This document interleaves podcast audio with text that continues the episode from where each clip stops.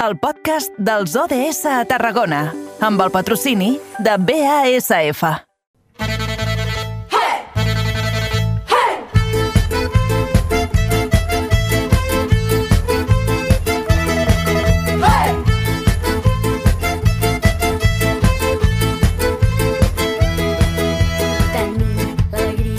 Seguim nosaltres transitant per aquest carrer major després de la banda sonora que ens regalava en David Fernández. Ara, amb les roba estesa, el que fem és llançar-nos de cap a la piscina dels objectius de desenvolupament sostenible.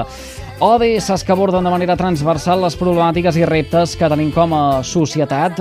Continuem nosaltres als estudis de la nova ràdio de Reus perquè allí tenim també el nostre company Aleix Pérez. Aleix, bona tarda. Molt bona tarda, Eduard.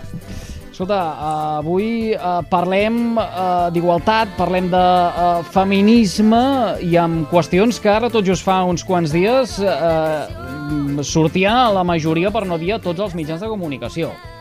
Efectivament, perquè el tema que tractarem és de rabiosa actualitat i és que el, recentment el Departament d'Igualtat i Feminismes doncs, ha recordat que no es pot impedir a les dones fer topless. La Generalitat ja ho va aprovar l'any 2020, però és, no ha sigut fins ara, fins aquest estiu, que ho han notificat per carta a tots els ajuntaments de Catalunya. Aquesta, com has comentat fa un moment, Eduard, es pot englobar dintre l'ODS número 5 dedicat a la igualtat de gènere. Per parlar-ne amb més profunditat tenim amb nosaltres a la nostra col·laboradora, l'Olga, membre del col·lectiu Cauda Llunes. Molt bona tarda, Olga. Bona tarda. Bé, volia començar preguntant-te directament, encara existeix un, un tabú amb els pits? Sí, eh, bueno, existeix un tabú quan som les dones qui decidim ensenyar-los. Eh, el, els, els nostres pits, diguéssim, estan eh, o sigui, el, eh, mostrant constantment, els veiem eh, com a reclam sexual en moltes coses, no? de, de cossos sexualitzats des d'una mirada masculina. Però en el moment en què, que reivindiquem el nostre cos com a nostre i que podem fer el que vulguem i el volem ensenyar tal com és o, o tal com volem, doncs llavors sí que comencen a haver-hi problemes. Mm -hmm.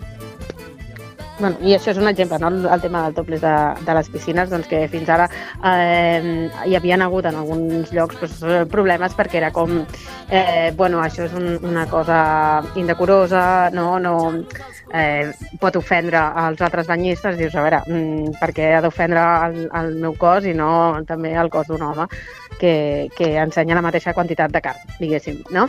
Eh, això els pits també és bastant curiós. Ara hem vist que a Múrcia, a la celebració de l'orgull, doncs una, una artista dins, de, dins del seu acte doncs, consistia en treure's la samarreta i ensenyava els pits, i la policia la va detenir i va parar l'espectacle en aquell moment perquè va, va considerar que no podia fer-ho i, i era un espectacle que no era apte per tothom, no? I dius, a veure, mmm, per què, a més a més va donar el, la, la metàfora de que li van fer tapar els pits amb la bandera eh, irisada, la bandera LGTBI, que, que tot fa bastanta gràcia.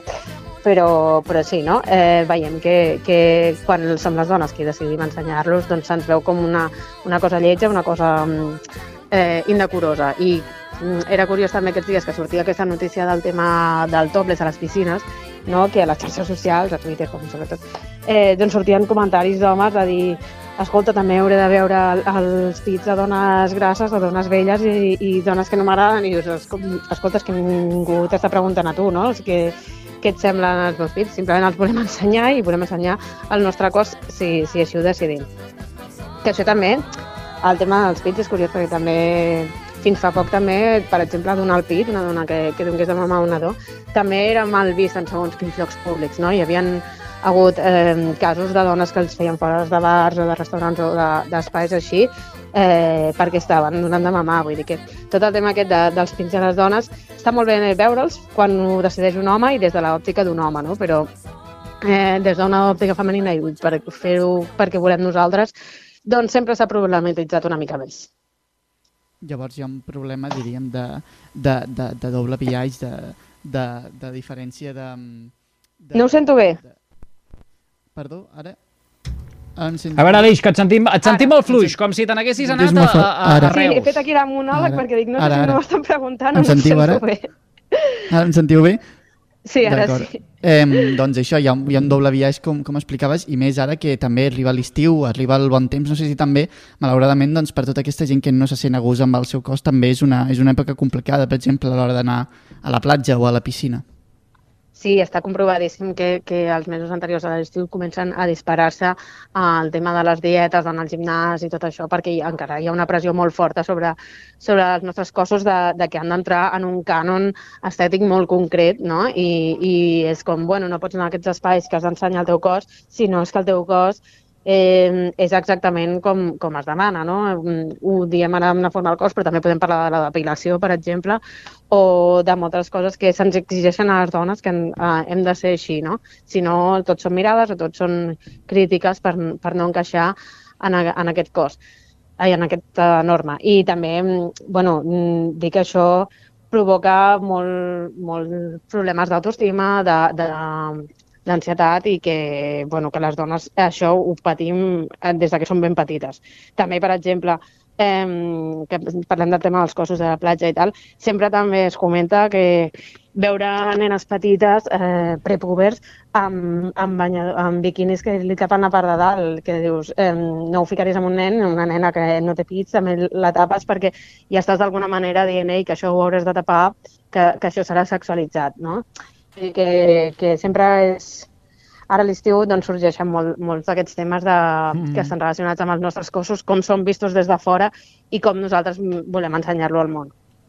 Uh, Olga, ara que fa referència precisament a això, a, a la canalla, no? a, la, a, les, mm. a les nenes i el fet que uh, quan en edats que no tocaria uh, se'ls col·loca la part de, de dalt del uh, banyador, no? Uh, I per tant ja uh, s'assenyala que uh, estem uh, sexualitzant uh, aquell, mm -hmm. aquelles criatures eh, les xarxes socials en aquest sentit també fan molt de mal, perquè si tu penges una foto amb eh, canalla petita, eh, aquí ja depèn de cadascú, eh?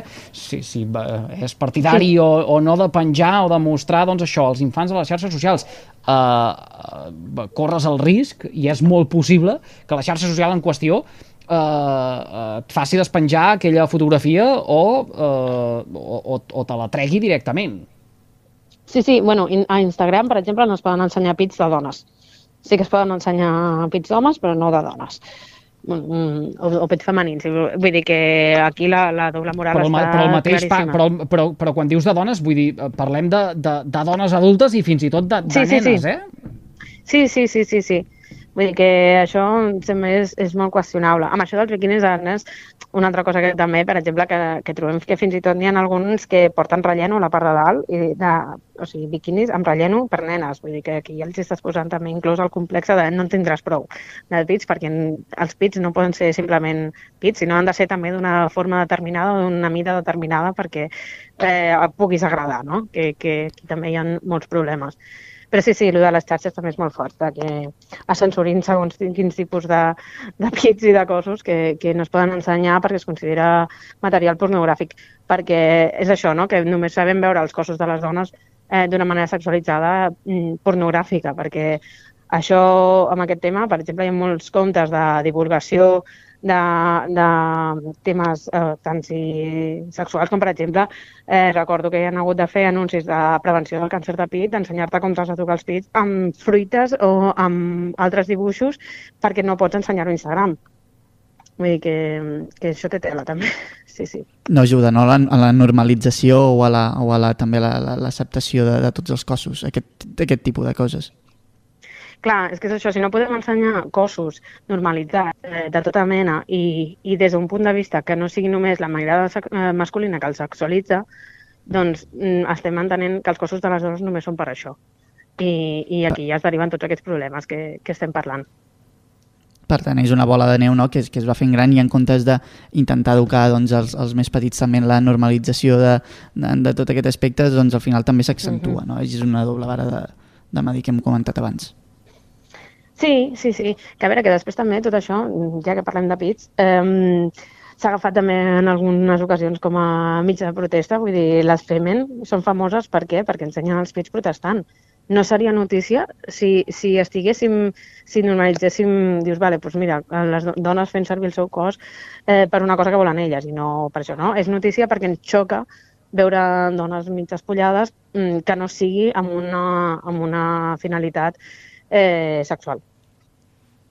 Llavors també, Sí, també, mm -hmm. també ho, podem enllaçar amb el, amb el tema aquest del, del topless en el col·lectiu Mugrons Lliures, que no sé mm -hmm. també això, quina importància, quin paper ha tingut en, en aquesta reivindicació. Doncs ja fa anys que, que és un compte de Twitter, que em sembla que també està a Instagram, eh, que van començar a recollir denúncies de dones que havien tingut aquests problemes en piscines, sobretot piscines municipals, de que no les deixaven fer topless, no?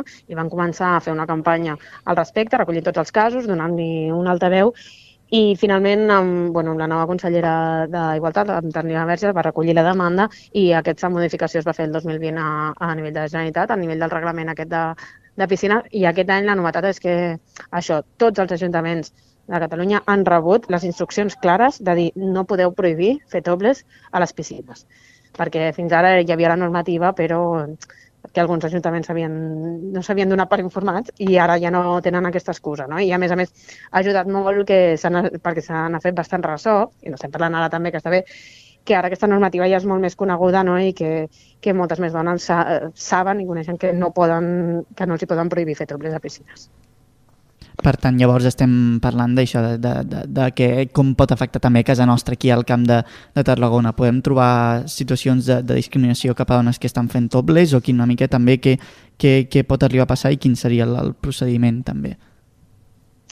Bueno, um, ara això, anima totes les dones que ho vulguin fer a, a fer-ho i que si es troben impediments que saben que poden posar una queixa que, que es poden eh, dirigir als ajuntaments, a, a faci falta perquè eh, tenen tot el dret a fer-ho i, mm. i estic segura que, que això animarà a, a, a més dones a estar més còmodes amb el seu cos per, perquè els estem dient al final ei, que el teu cos és teu i tu pots fer-ne el que vulguis, no? Eh, així que tots són passets, eh, passes que estem fent cap a aquesta normalització de diversos cossos, no? De, de que dir, ei, sí que el pots ensenyar, sigui com sigui, i ningú t'ho pot prohibir. Avui l'actualitat eh, tractada eh, en profunditat amb eh, l'Olga del col·lectiu Cau de Llunes, que cada 15 dies comparteix uns minutets amb nosaltres. I, Olga, avui és el darrer espai de la eh, temporada que compartim amb tu. T'agraïm moltíssim. Uh, per tant, i aprofitem la vinentesa per donar-te les gràcies uh, personalment uh, i, i també a tot el, el col·lectiu per haver-nos fet confiança una temporada més i haver compartit amb nosaltres aquestes estonetes que van molt bé per pensar, reflexionar uh, i tant de bo serveixin també per fer pedagogia. Sí, moltes gràcies a vosaltres per tractar aquests temes i, i tenir tant d'interès i comptar amb nosaltres. Eh? Estem molt agraïdes. I bon Olga, estiu. Una abraçada, una abraçada ben una forta abraçada. i molt, i molt bon Vinga. estiu. Vinga, vagi bé. Adéu. A reveure.